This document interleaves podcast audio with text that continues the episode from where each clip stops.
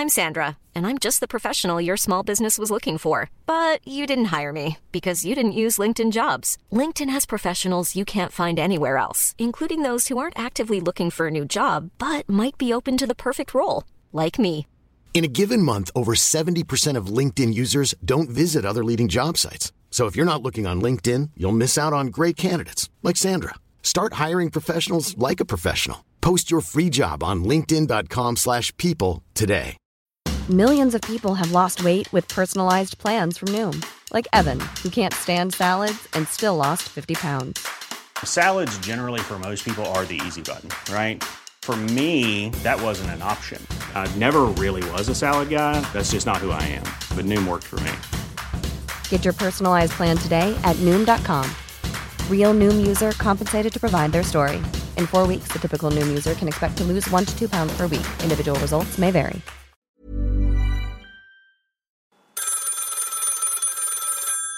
Nämen tjänare! Du har precis börjat lyssna på ett avsnitt av Bröta på.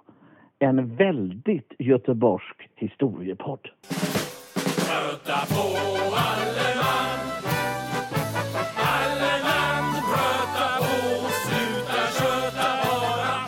Jaha, Ina Lundström, nu är vi igång här och dagens ämne är liksom lite lurigt eftersom det är småhemligt och emellanåt kanske, vem vet, jag pinsamt. Göteborgska vänsterprassel är det hyperkänsliga ämnet för dagen.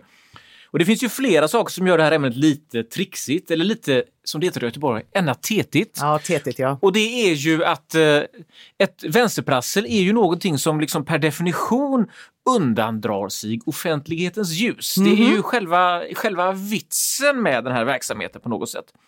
Så vi tänker att vi ska försöka att så eh, elegant som möjligt eh, tassa i detta mystiska träsk där vi hoppas att vi inte kommer att göra oss skyldiga till allt för grova övertramp som kommer att ådra oss justitiekanslerns enträgna uppmärksamhet. Lite lätt och klädsamt förtal Ja, bara på sin Precis, höjd. vi ska försöka hålla oss inom lagens råmärken eh, om det inte är så att eh, humorn kräver något annat. Vi ska också naturligtvis ta oss utanför den här lite, lite snåla definitionen av vänsterprassel, för vi, det är ju trots allt så att man kan, man kan utvidga det här ämnet till att betrakta vänsterprassel som att någon helt enkelt sviker sina ideal, är otrogen mot sina grundläggande idéer. Så där har vi ju ett, ett visst fiskafänge som vi skulle kunna bedriva, inte bara i den göteborgska historien utan i den göteborgska nutiden.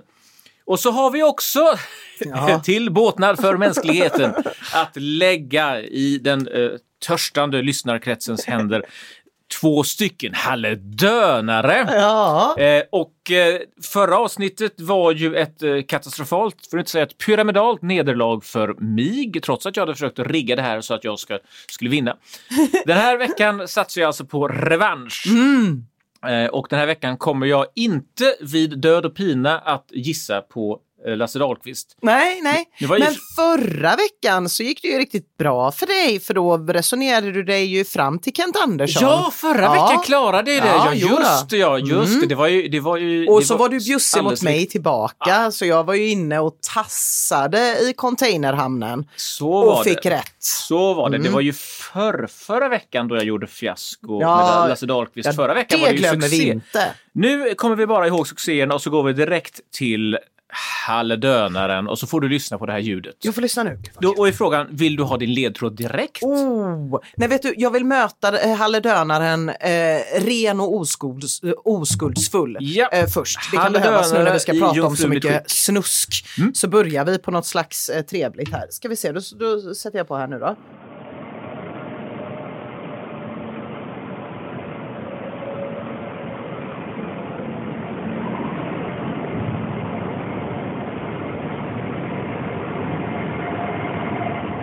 Du vad Christian?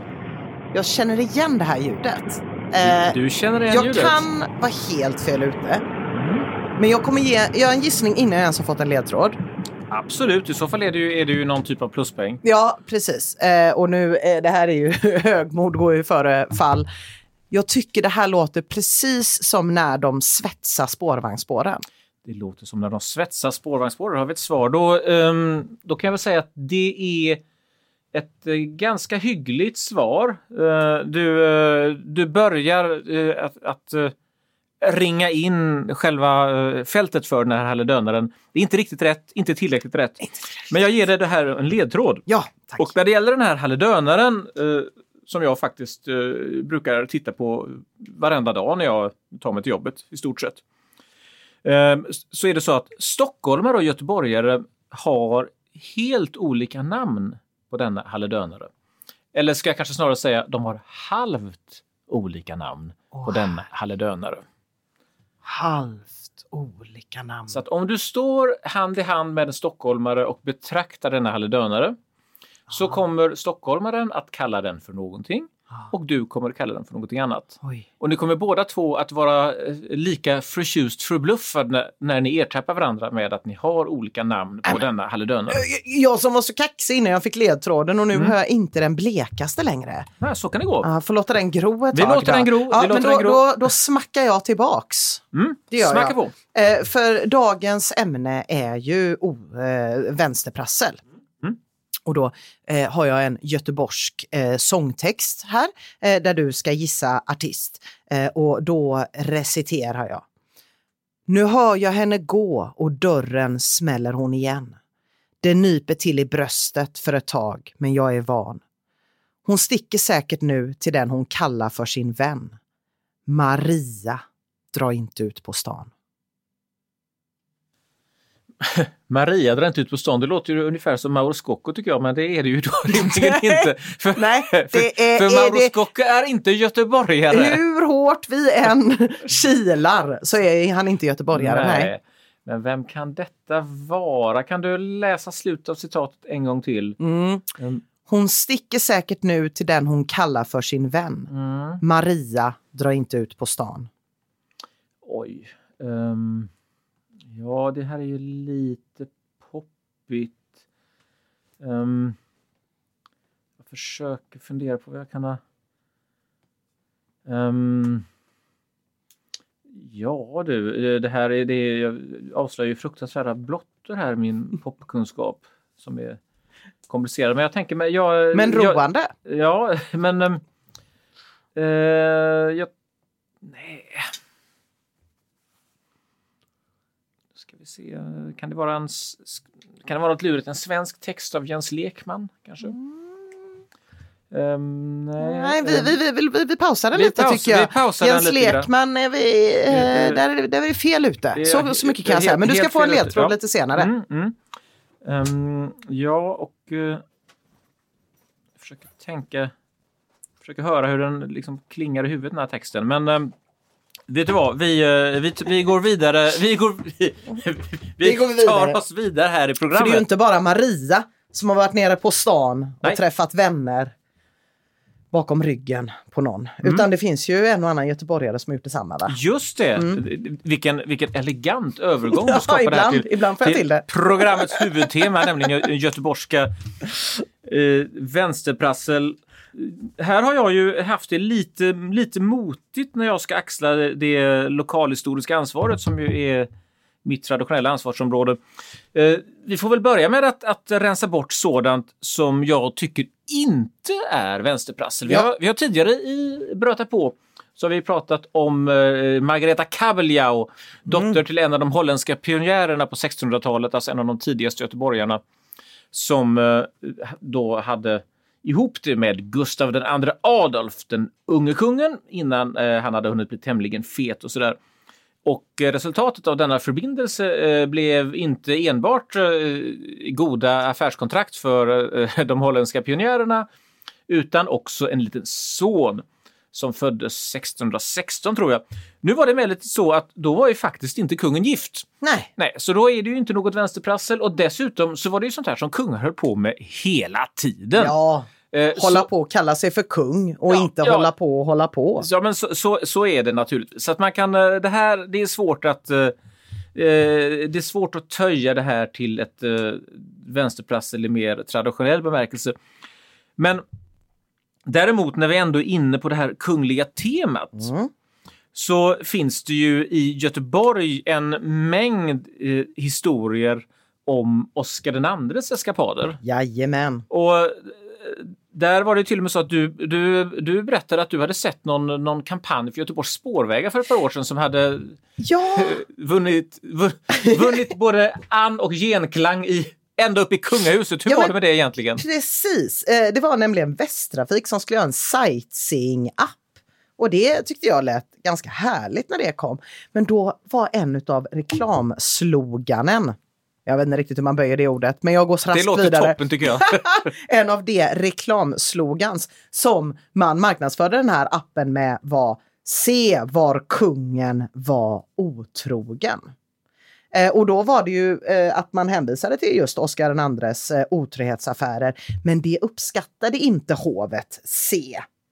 Eh, utan hovet hörde av sig och var väldigt tydliga med att de inte tyckte om det, sa Christian Lantz på Västtrafik då till Aftonbladet. Eh, hovet ställde inga krav på att affischerna skulle tas ner. De var ändå tydliga med vad de ville. Men eh, Christian Lantz på Västtrafik sa att jo men eh, göteborgarna tyckte ändå inte om de här så att vi tog ner dem ändå. Så det var inte av hovets påtryckningar utan det var någon slags allmän känsla att göteborgarna inte tyckte det här var så härligt. När den eviga reträtten för lite försiktiga publicister. Att, eh, det, det, det är naturligtvis inte efter, på grund av påtryckningar Nej. som vi ändrar oss. Självfallet Nej, inte. nej, utan nej. vi har, kommit på, vi har kommit på att vi egentligen inte tyckte att, att eh, historien var så bra. Nej, det kan man väl säga. Um, den, här, den, den historiska bakgrunden till, um, till den här kampanjen är ju helt enkelt så att när det gäller Oscar II som ju var kung i Sverige eh, mellan, jag tror 1872 till 1907. Och där kommer jag inte säga emot dig Nej, det är Christian. bra. Eh, vi, vi håller oss till detta. 1907 i alla fall eh, var året då kungen, kungen dog. Men eh, det cirkulerar massor av historier om hans fruntimmersaffärer, inte bara i Göteborg utan också i Marstrand där han tillbringade ungefär 20 somrar. Och i Göteborg så lär han ha haft en lägenhet på Linnégatan. Och på denna lägenhetsdörr så ska det ha stått en liten skylt där man förklarade att i denna lägenhet eh, där finns eh, citat eh, Rederiet för ångaren Sofia och detta skulle vara en, en lite tyken gliring till drottning Sofia. Oj, Eh, oj, Och oj. att i själva verket kungen höll till där. Och det som alla göteborgare känner till är naturligtvis att i huset mitt emot Där den påstådda lägenheten. 7-Eleven ligger nu. Ja, 7-Eleven och ett apotek tror jag väl också i samma byggnad. Ah, just det. Ja. Ja, det, är, och det, det stämmer bra för att det är ju Guldsvanen där som är från gamla apoteket Svanen som förut låg på Järntorget. Ser man på. Mm. Och där i, i den där byggnaden, eller snarare på byggnaden, så sitter ju djävulsfigurer som räcker ut tungan och ser, ser allmänt tykna ut. Mm. Så att den historia som, som göteborgarna omhuldar och som jag hörde redan när jag var barn, det var alltså att eh, eller åtminstone när jag var så pass stor att jag kunde förstå komplikationsgraden i historien. eh, att eh, när kungen på morgonen, efter att han hade då vältrat sig med någon älskarinna i, i den här lägenheten, när han då drog upp gardinerna på morgonen så skulle han då mötas av ogillande djävulsfigurer som, som tittade på honom och räckte ut tungan åt honom över gatan. Jag minns exakt vem som berättade det för mig första gången. Min folkhögskolelärare Kenneth Fingal. Otrolig person. Och vad glad jag blev när han berättade det. Ja, det är ju en fantastisk historia. Och då kan man väl säga så här att man får, för man får bena lite grann, lite källkritiskt i berättelsen, så är det så här att, att Oscar II, att han eh, hade fruntimmersaffärer, det är ställt utom allt tvivel. Men när det gäller den här historien i Göteborg så är det så att byggnaden eh, som, eh, där lägenheten ligger, den byggdes, den stod klar 1899. Då var kungen rätt gammal, då var han, då var han 70 år ungefär. Och eh, dessutom, och, och det är väl kanske mest, den, den allvarligaste kritiken mot historien är ju att byggnaden där djävulsfigurerna sitter är ju äldre. Ja. Den kom dit först. Ja.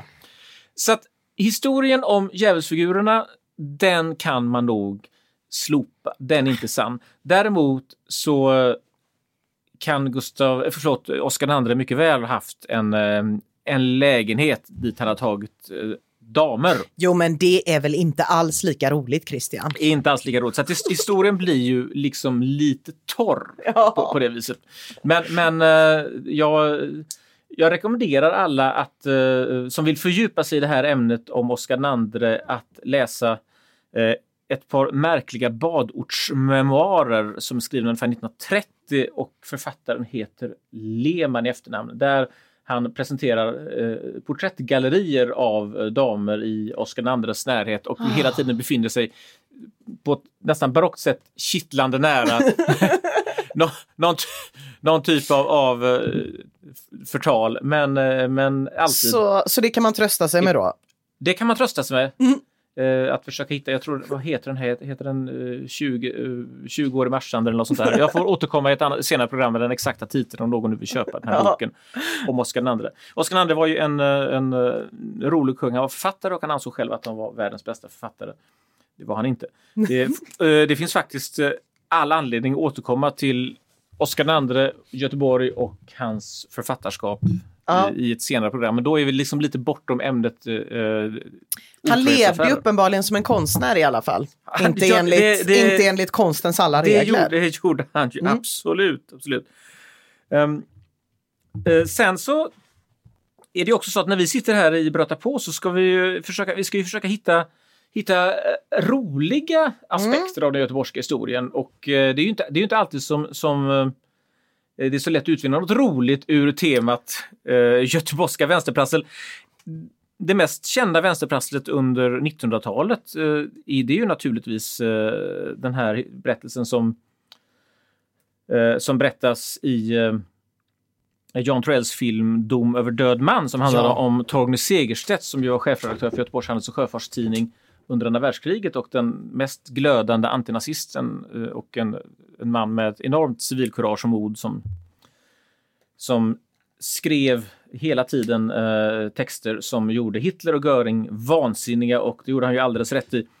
Men i, eh, i privatlivet så hade han då en, eh, en allmänt känd eh, eh, otrohetsaffär, en historia. Ja, det där eh, har jag tänkt på, att den var så känd. Att det var så. Ja, den ansågs vara, den, det, var, det, visste, det visste alla tydligen på något sätt. Ja, Och, eh, och det var ju då det är svårt att tänka sig in i nu. det är väldigt svårt att och, Ja. och, och föreställa sig hur det egentligen fungerar. Ehm, och den här, eh, den här kvinnan, Maja Forsman, var alltså gift med eh, en advokat, Forsman, som periodvis var ordförande för Göteborgs Handels Sjöfartstidning. Så att eh, Torgny Segerstedt och den här mm, den försmådde maken, de träffades ju väldigt mycket i arbetet också. Ja, Men jag tänker mig att man det ändå- låter så, så bökigt. Ja, så väl- bökig Ja. arbetsmiljö detta. Ja, Alltså. det, måste, det måste man säga. Men, Ja. men Men man vet hur det eh, gick till på redaktioner på 70-talet och så tänker man bara att det var ännu värre, ännu längre det skulle vara än, tillbaka. ännu värre på, på 30 och 40-talet när det kom ilskna telegram från Göring och sånt där emellanåt. Ja, ehm, men jag tycker nog ändå att man, man skulle kunna, kunna säga att kanske hade Maja Forsman ett gott inflytande på Torgny Segerstedt. Mm. Eh, hon, hon kom från en judisk familj och då kan man väl kanske, kanske hoppas att, eh, att hennes inflytande ledde till att Torgny Segerstedt eh, såg saker ännu klarare och kände ännu mer glödande och starkt att han, att han måste motarbeta nazisterna. Ja. Eh, Så eh, kanske var, var det här eh, jobbet för familjen Segerstedt, men kanske var det på något vis bra för Ja. klotet och för Europa. Vem vet? Ja, det skulle ju också, jo så är det, det är mycket möjligt, men om man tänker att hon är någon slags, eh, eh, eller att Maja Forsman var i viss mån en antinazistisk musa. Eh, då skulle det också kunna varit så att om hon och hennes man Axel Forsman hade haft en lite tätare kontakt, då kanske det hade varit Axel Forsman som hade varit Torgny Segerstedt med allt och alla och fått en film av Jan Troell efter sig. Så att även i eftervärlden så kanske Axel har anledning att Ah, vara lite purken. nu, eh, nu ger du ju dig in i den så kallade kontrafaktiska historieskrivningens underbara clair obscur där vi inte längre vet vare sig ut eller in. Nej, jag vet Nej, inte men- ens vad som är upp eller ner. Nej, så, så kan det kanske gå. Men, men hur är det, vad har du för exempel? Nu är vi inne i 1900-talet, vi är nästan inne i, eh, i dina Ja, i trakter mina, här, i ditt mina ansvarsområde. Ja, men precis, precis. Alltså, det blir ju lite väl snaskigt, tycker jag, om vi ska börja prata om eh, liksom människor som nu lever och eh, har, även om de har gått ut själva med otrohetsaffärer och kanske att deras barn också uttalat sig i pressen, vad vet jag. Vi lämnar det snasket därhen. Och när, när, då ska vi säga att alla lyssnare att när Ina Lundström säger lite väl snaskigt så menar hon att det vore lite väl obehagligt om den ansvariga utgivaren för denna podd eh, eh, tvingades inför skranket för att vi har idkat förtal Ja, men det i är detta väl program. Så det ska, vi, det, ska vi, det ska vi inte göra. Men jag tycker att det finns eh, också med tanke på det här med eh, när man säger otrohet, eller kanske snarare om man använder ordet vänsterprassel, så finns det ju eh, någonting lite spännande med när människor anses vara otrogna eller anses gå fel ärenden. Eh, det eh, är ju inte helt lätt att tänka sig idag hur det var i Göteborg på 70-talet i relation till vänstern, alltså det kommunistiska partiet mer exakt. Bara fråga att det du gör nu är att nu, nu som en solfjäder så fäller du ut Ja. en helt ny betydelse av begreppet vänsterprassel. Det här Ja. handlar alltså inte enbart om att, om att om att svika den man är gift med utan, utan uh, svika sina ideal eller idéer. Är det, det, är det, är det den här vägen svika som, sina ideal som och, eh, och kanske några hippies i Haga. Eh, b- Låt höra! Låt höra! Eh, det, det finns ju en göteborgsk vistrubadur som heter Dan Berglund. Han är fortfarande aktiv eh, och han slog igenom som väldigt, väldigt ung. Han var eh, otroligt och är otroligt begåvad och blev, eh, eh, tog upp en gitarr på en fest som killar gör, har jag hört. Och då var det ju någon från partiet där. Och när jag säger partiet menar jag naturligtvis KPMLR i Göteborg och kände direkt att det här, det här är en eh, fattig arbetargrabb med ett socialt patos och som kan sjunga socialrealistiska texter om arbetarklassen. Honom ska vi ha. Kom på en amatörafton på Marx Engelshuset på Fjärde Långgatan.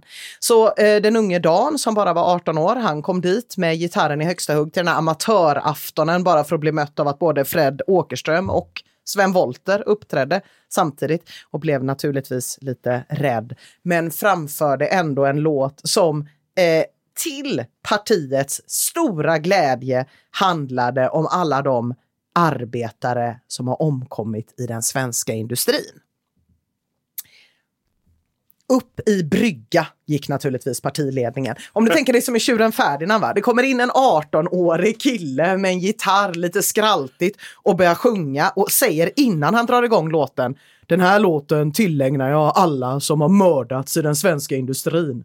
Och sen börjar han sjunga en låt som inleds med textraden Jag åt min gröt och läste tidningen, tog väskan i min hand och kysste kärringen och sen omkommer han i en arbetsplatsolycka. Textraden Studera Marx och Lenin är med. Alltså det måste ju varit som med Tjuren Ferdinand. Bravissimo! Otroligt! Honom ska vi ha!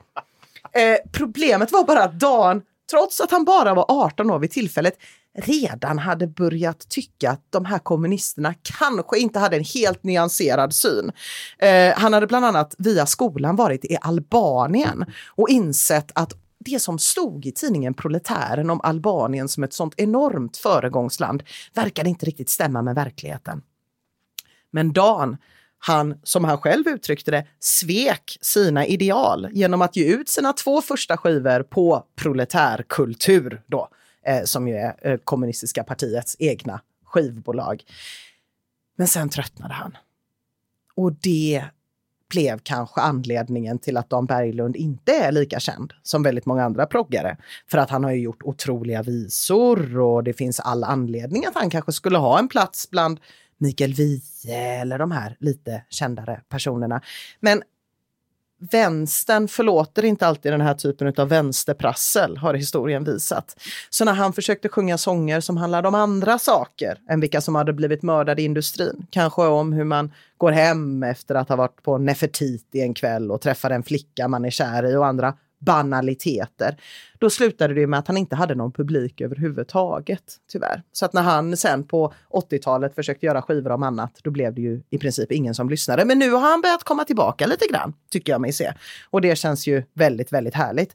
Men en liten detalj till är att om man nu pratar om att svika sina ideal, så har Dan Berglund skrivit en låt om just precis detta på sin andra skiva som kom ut på Proletärkultur som heter En örgryteyngling.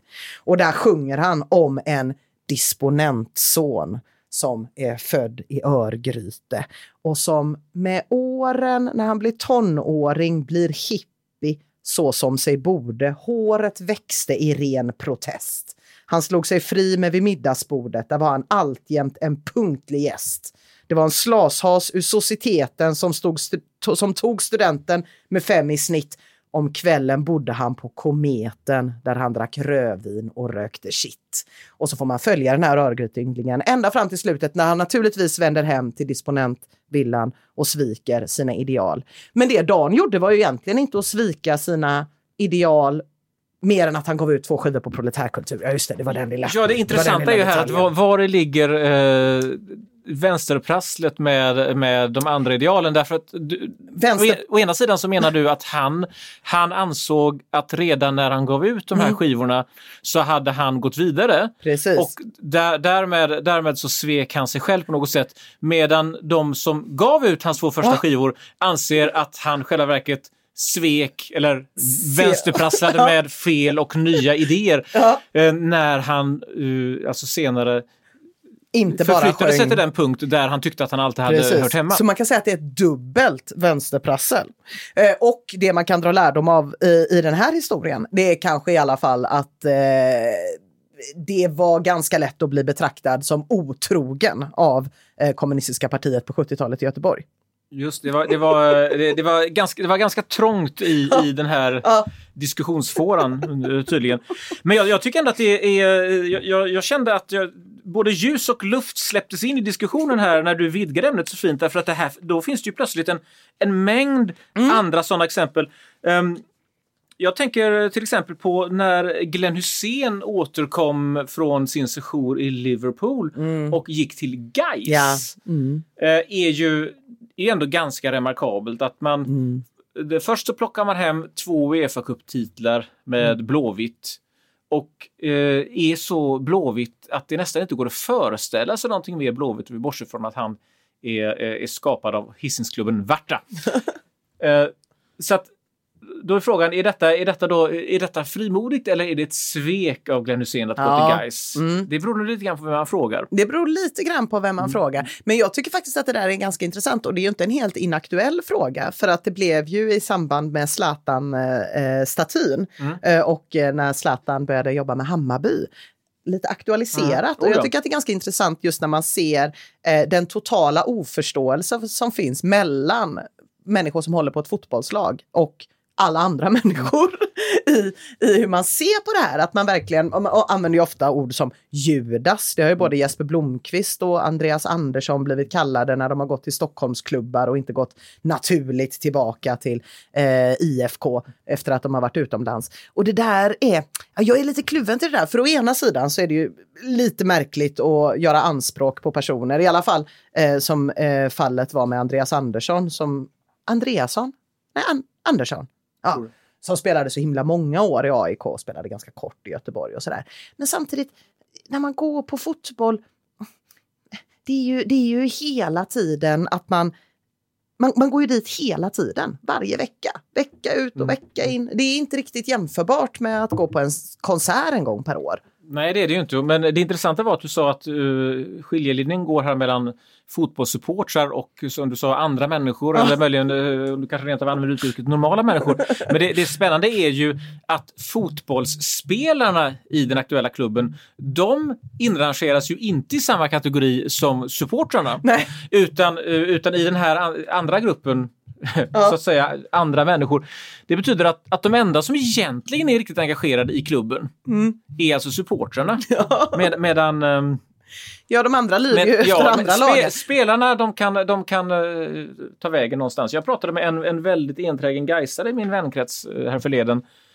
Uh, som uh, försökte att, att på något vis koka ner det här resonemanget. Och han sa att men om det nu är så här att spelarna kan gå, kan gå till vilken klubb som helst och vi sitter kvar och hejar på guys så är det ju så att i praktiken så är vi en, en eh, vi är ett sällskap som har samlats kring att dyrka en tröja. Mm. Det är vad vi gör. Ja, Och eh, det lät lite dystert när han framställde det på det viset. Samtidigt så har de ju väldigt roligt när de, Ja. när de dyrkar den här ja tröjan. precis. Och, ja, och den som har umgås med Gaisare en dag eller två vet ju att det finns ju, det är svårt att hitta ett, ett, ett festligare sällskap i Göteborg. Eh, och det är, är, är svårt att bli bjuden på mer öl av något annat sällskap i Göteborg än om man just träffar Gaisare. Men nu känner jag mig så uppmuntrad här över ditt sätt att vidga, vidga det här samtalet så att jag skulle vilja faktiskt föra in eh, faktiskt politiken i ett nytt spår. Du, har, ju, Ja. du har ju talat om, om Dan Berglund och hans bekymmer med, med eh, vänsterrörelsen på 70-talet. Och eh, i Göteborg så har vi, har vi ett nytt politiskt parti. Eh, som ju är, som heter Demokraterna. ja, de har jag Ja, hört ett- om. och eh, det, här, det här partiet eh, är, är ju, eh, kan man säga, är ju frukten av eh, förbindelser över partigränserna. Och eh, jag satt eh, vid ett tillfälle, det är ett par år sedan nu, så satt jag på det här eh, Smedjecaféet eh, som ligger i kvarteren runt, runt Kronhuset. Och där såg jag en, eh, en förmiddag hur eh, um, två göteborgska kommunpolitiker, nämligen miljöpartisten Henrik Munk och moderaten Martin Wannholt, de käkat lunch tillsammans. Och när jag satt och tittade på detta så tänkte jag att det är ändå jag fylldes av en slags stilla lycka när jag såg de här, de här två gubbarna som satt och eh, borrade i sig falukorv och potatismos. Att jag tänkte att men i Göteborg är det ändå så att eh, skiljelinjerna mellan partierna är inte värre och antagonismen är inte Nej. svårare. Eh, och, Man eh, kan ta än- en att lunch fakt- på Smedjan. Just det, ett, en moderat och en miljöpartist kan faktiskt ta en lunch tillsammans och det är inget konstigt med det. Och det här är någon, någonting, eh, det här är antagligen välgörande för den göteborgska politiska debatten så därmed blir liksom resonabel och utredande och inte så, så, eh, så hård. Eh, sen ungefär eh, 48 timmar senare så meddelades ju att de här två politikerna de lämnade sina moderpartier för att gå in i det nya partiet. Ah, Och när jag berättade detta för en, jag, jag ska inte säga vem det var, men vi säger en nyhetschef på en morgontidning mycket nära mig. Eh, när jag drog den här historien så var han fullständigt förstummad i, i ungefär 90 sekunder och sa jag eh, trodde aldrig att jag skulle träffa en så genuint inkompetent nyhetsjournalist som du. Men nu har jag gjort det. Eh, han menade alltså att eh, jag borde omedelbart ha slagit larm för nyhetsredaktionen Ja. för jag borde ha förstått att det här inte var... det här, här är en... Det här var inte bara en kärlek till rotmos. det var icke, icke blott rotmoset eller potatismoset eller falukorven utan här är en politisk jordbävning på gång i Göteborg. Ja, Ja, så kan det gå. ja. Så det var ju, det var, det är ju precis. typ, Det, är ju inte, det, det, det krävs ju inte bara att någon prasslar, utan Nej. det krävs ju också att någon hör det. just det. Så att det, här, här, det här var ju en typ, kan man säga, av, av, av politiskt, eh, politiskt vänsterprassel, Ja, man säga. mm, Och högerprassel också för den delen. Ja, det är med. Men, så, hur, är, hur, är det, men hade du, hur, hur långt fram i tiden vågade du gå här då, Ina? Ja, alltså det, det, det är ju, en detalj som jag tyckte var lite rolig var ju att eh, Västtrafik uppenbarligen försökte slå mynt av Oscar IIs otrohetsaffärer. Och det här med att slå mynt av kungligheters otrohetsaffärer eller påstådda otrohetsaffärer, det verkar ju vara något ganska eh, utbrett i Göteborg, i alla fall om man räknar Kungshamn till Göteborg. För i så fall har vi nämligen en ganska snarlik situation här. Vi har en eh, sån här otrohetssajt. Det var ganska inne för ett gäng år sedan att man skulle kunna registrera sig på någon hemsida och en av de stora internationella spelarna på det här heter Ashley Madison. Och de smackade upp reklampelare där det stod omoraliskt och krama Kalles tub. Och sen så är det en eh, tub som är väldigt lik Kalles kaviar ju, som görs i Kungshamn eh, med fast med nuvarande kungen på och så står det kung Kalle på tuben. Eh, och det här var ju samtidigt som man diskuterade kring påstådda otrohetsaffärer kring den nuvarande kungen då. Men här var det faktiskt inte kungahuset som sa ifrån utan det var ABBA ifrån Kungshamn som sa det där eh, slutar ni upp eh, med alldeles omedelbart. Eh, och precis som i fallet tidigare så säger de ansvariga här i detta fallet då Ashley Madisons vd Noel Biderman. Nej, men vi ska nog ta ner dem ändå, för vi vill ju inte att debatten ska handla om det här. Så inte på grund av kritik, utan bara på grund av att det verkade inte vara så. Det skulle Vad vi, sen- gjort. vi skulle ha tagit bort det. Vad, vad, vad var Ja. det? Vad var det? Ja. Nat- naturligtvis. Men jag har faktiskt också, eh, apropå sådana här otrohetssajter, hittat en undersökning av den eh, i Sverige lite kändare eh, otrohetshemsidan Victoria Milan. Där de har frågat människor i Göteborg online om de kan tänka sig att vara otrogna. Och där finns det en topp 10. Och där ska jag säga att Göteborg är inte ens med. Det är de inte. Betyder det att eh, göteborgarna har en högre eller lägre moral? Man skulle ju kunna tänka sig att de eh, fiffigt eh, avstår från att överhuvudtaget registrera sig och i, i fullständigt mörker och lönndom Så kan eh, absolut bedriver den här, den här prasslande verksamheten. I så fall så är Kalmarborna oerhört eh, transparenta och ärliga. För, för där var det hela 30 procent som svarade att de ville vara otrogna och de var där med Sverigeledande i den här extremt ovetenskapliga undersökningen. Ja, alltså, jag, jag, tänk, jag tänker med, med bävan på vad en statistiker skulle kunna säga om det här materialet. Det hade kunnat leda egentligen i vilken, vilken riktning som helst. Du, hur är det med våra halledönare? Ska vi eh, Ja, jag, vill gärna, jag vill gärna höra den igen. Ska du lyssna För på jag den igen? trodde ju Ja. att jag var rätt Mm, ute. då ska vi se här om jag kan eh, få...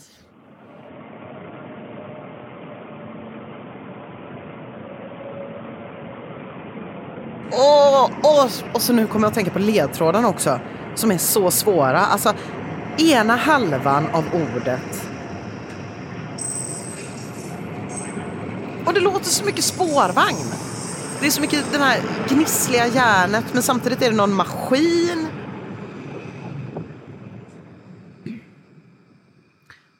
Och det var inte rätt med spår. Ah, det var inte rätt med att det var det här med det när det svetsar. När man svetsar en spårvagn. Och jag vet inte heller hur spårvagn skulle vara. Eh, har någonting med... Där, I Stockholm säger man väl bara... Där säger man väl också spårvagn? Ja, det gör man. Men det, numera finns ju faktiskt en, en spårvagn. Som jag, Ja. jag var uppe för Göteborgs-Postens räkning och provåkte Nej, men vad den här spårvagnen. För att känna om den var lika bra som den göteborgska. Men, Men är den vi i fordonsvärlden? Vi är, ja det är vi absolut. Det är vi absolut. Ja, Det, vi är definitivt i fordonsvärlden. Eh, och, vill, vill du ha en ledtråd till? Ja, om jag får, hemskt Ja. gärna. Eh, och det är så att det här, den här halledönaren den har funnits eh, sedan 1860-talet. Eh, men den är inte lika tuff längre. Inte lika tuff längre. Nej. Denna halledönare är icke längre lika tuff som den var på 1860-talet. Nej men gud.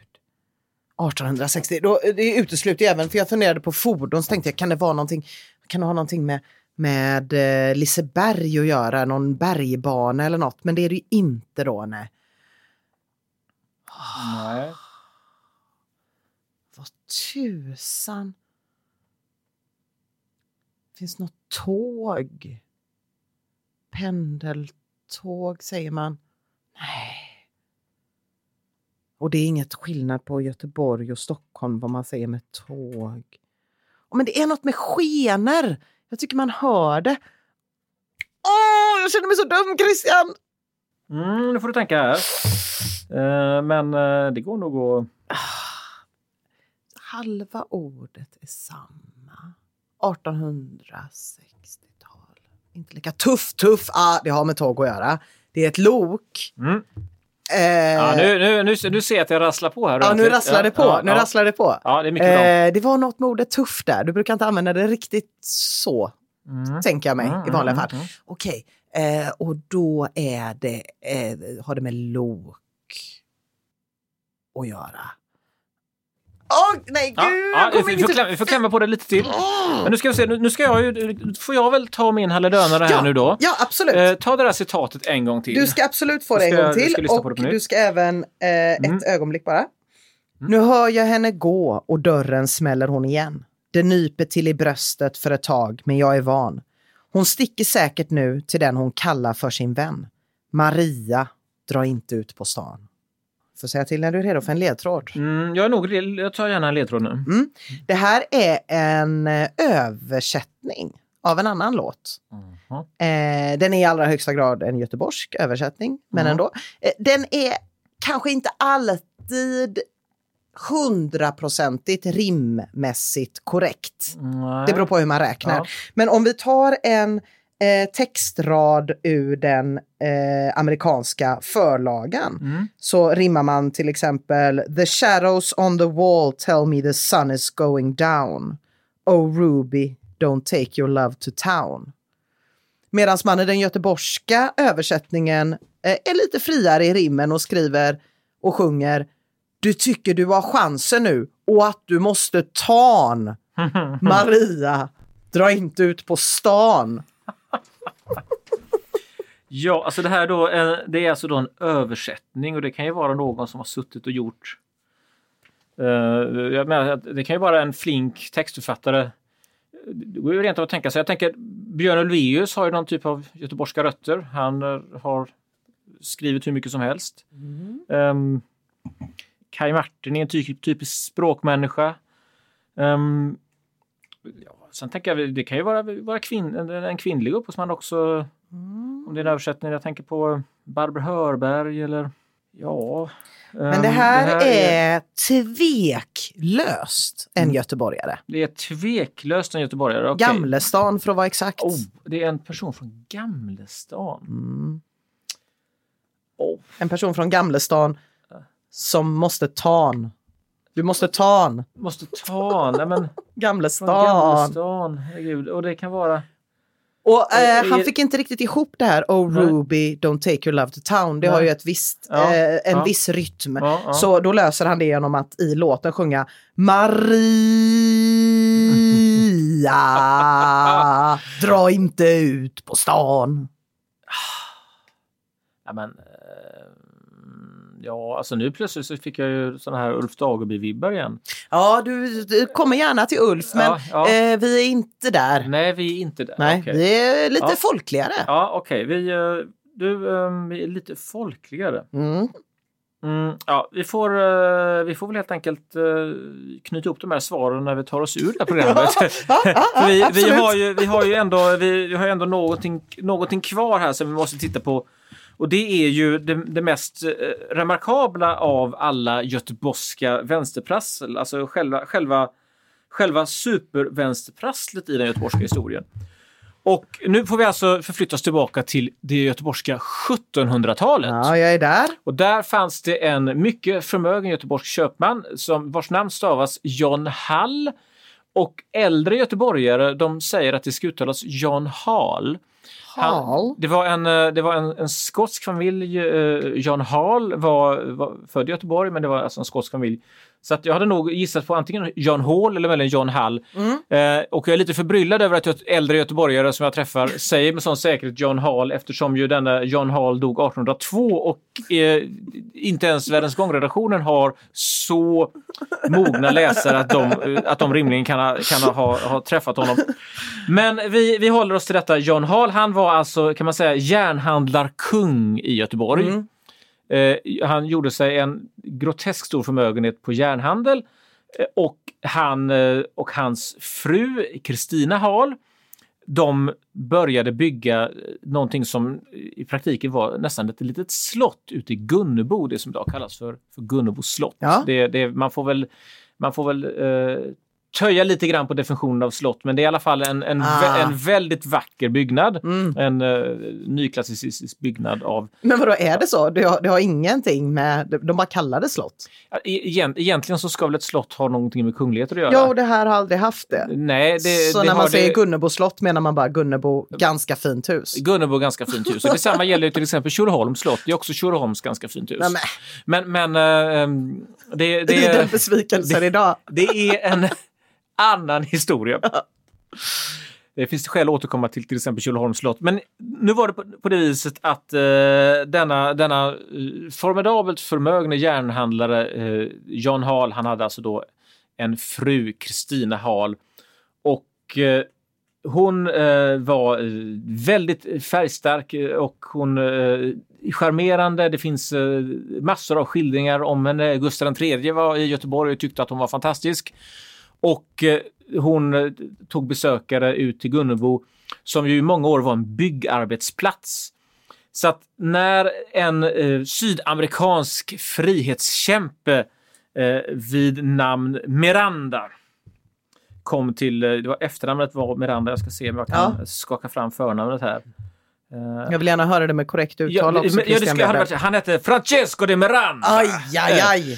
Francesco de Miranda, den, den spänstige sydamerikanske frihetshjälten som i sina dagboksanteckningar eh, för väldigt frimodiga anteckningar över alla de erövringar han gör, inte av nytt land utan av, av nya damer här och där. Oh. Han eh, skriver då om denna, eh, denna enastående Kristina Hall. Får jag bara fråga, på vilket Göteborg. sätt var han en frihetskämpe? Var det för hans egen fri... Eller? Nej, han, han tyckte ju att de här kolonierna som hörde till Spanien som fanns i Sydamerika, de borde vara självständiga Mm. länder.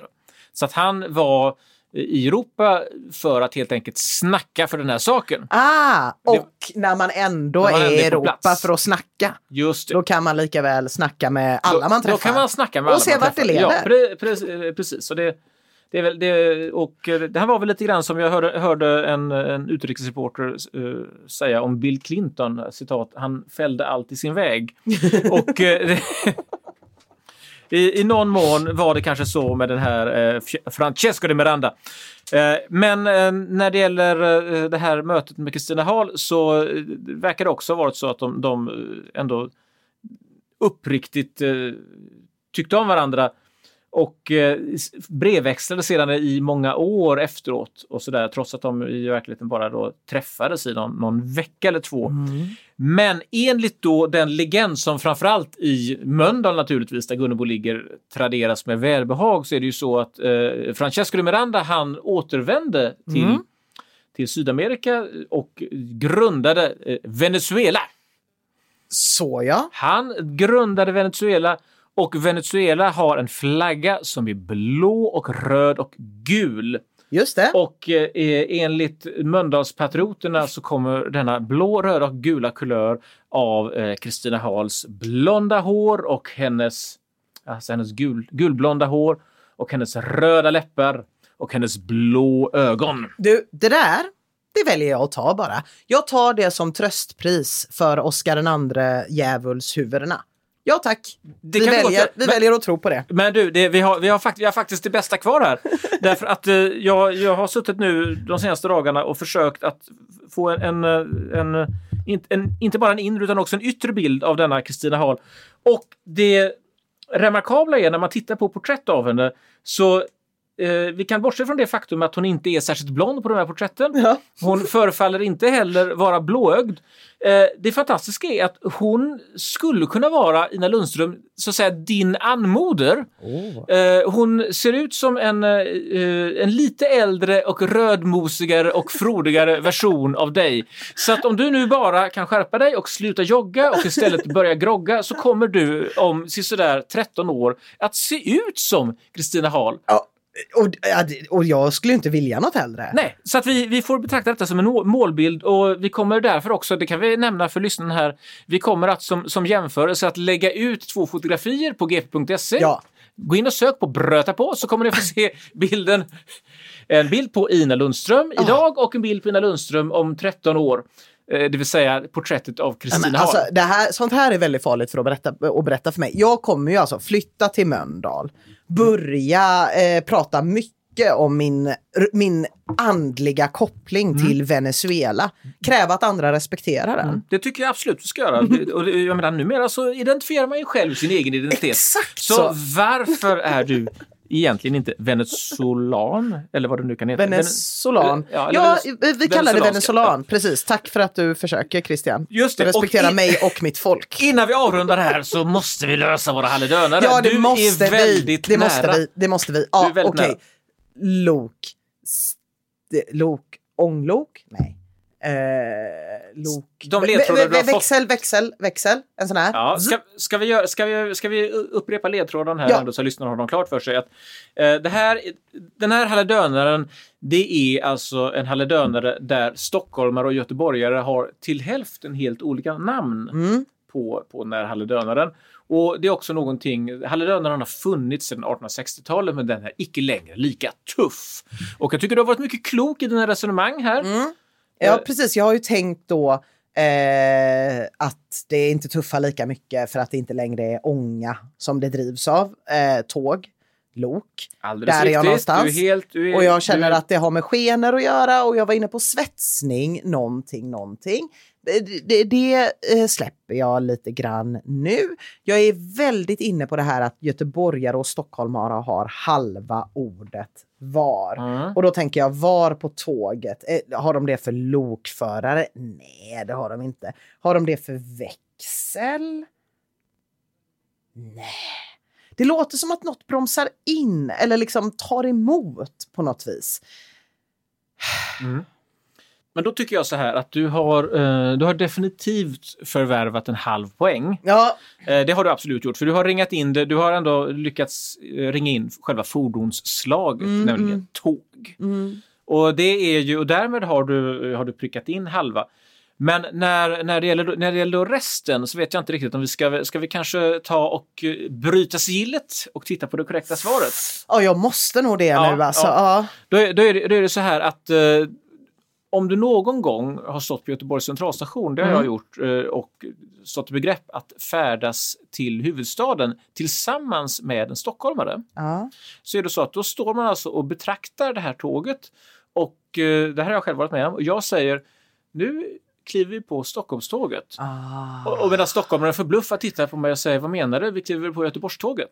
Ja, Eh, och eh, det är ändå samma tåg vi tittar på. Åh, Och för, alla, för en göteborgare så är naturligtvis Stockholmståget är ju, är ju det tåg som går fram och tillbaka från Stockholm. Du, du kliver, du kliver in, det är inte så att du kliver på Stockholmståget i Göteborg och Göteborgståget i Stockholm, utan det är Stockholmståget i bägge riktningarna. Och för en, Göte, för en stockholmare är det likadant, Göteborgståget i bägge Ja, riktningarna. men såklart att det var den delen. Och jag tänkte på så gamla uttryck och stinsar och rallare. och vad, jag, för, jag förstår det. Att du, du, tänkte, du tänkte egentligen mycket, eh, mycket mer precis ja, och fast jag eh, kände ju inte till det här med Göteborgståg och Stockholmståg. Mm. Faktiskt, att man sa olika. Så att det tyckte jag var eh, ny kunskap. Så ligger det till och Mm. man har alltså kunnat ta tåget till Stockholm från Göteborg sedan 1860-talet. Ah. Så det är ju eh, det är ju ett tag. Det gick lite långsammare i början men... eh, Misstänker det. Ja. Så, oh, där ser vi. Ja, och Jag hur ska fortsätter gå jobba för... här nu med den här... Ja, du får fortsätta jobba. De Ja. ledtrådarna du har fått är Ja. att det är en i allra högsta grad göteborgsk person som har Ja. skrivit de här textraderna. Ja, Det är ja. inte hos någon som har varit här någon gång då och då eller gjort något, utan det här är 100% göteborgare. Mm. Dessutom från Gamlestan. Du har också fått höra att det är en översättning av en amerikansk låt. Eh, där eh, jag kan avslöja att den heter Ruby Don't Take Your Love to Town. Och är, ja nu slänger jag in, det är Kenny Rogers som sjunger den låten om det säger dig någonting. Ja, Kenny Rogers var inte göteborgare va? Kenny Rogers var inte göteborgare. Nej, nej. Det här är eh, Göteborgs Kenny Rogers. Jaha, jag var ju... Eh, jag, jag satt här och försökte klamra mig fast i tanken på Lasse Kroner här. Um, som ju har gjort åtminstone en skiva med svenska texter. Uh, med Göteborgs Kenny Rogers, alltså lite, lite country Göteborg. Stefan Andersson kanske. Um, hmm. Oj, oj, oj. Maria, Alf Robertsson! ut. För det är klart det är Alf Alf Robertsson! Robertsson! Dra inte ut på stan Nu hör jag henne gå och dörren smäller hon igen Det nyper till i bröstet för ett tag men jag är Och jag blev så glad att du kom på Där det. satt den. Åh, jag blev li- lite, lite, lite ledsen för nu leder ju du. Men halv poäng. Men, Ja, med en halv poäng, Men- ja. en halv men, ynka men poäng. den halva poängen är ju Alf Robertsson-poängen. Ja, Så att den kommer ju eh, den kommer ju vara värd extra mycket i sluträkningen. Alltså, det kändes gött att pricka Alf där. Ja. Sicken grej! Ja, snyggt jobbat! Då tackar vi för det och lämnar därmed det pikanta ämnet göteborgska vänsterprassel. Och så hörs vi om två veckor igen. Nya utmaningar med Bröta på. För guds skull, vänd om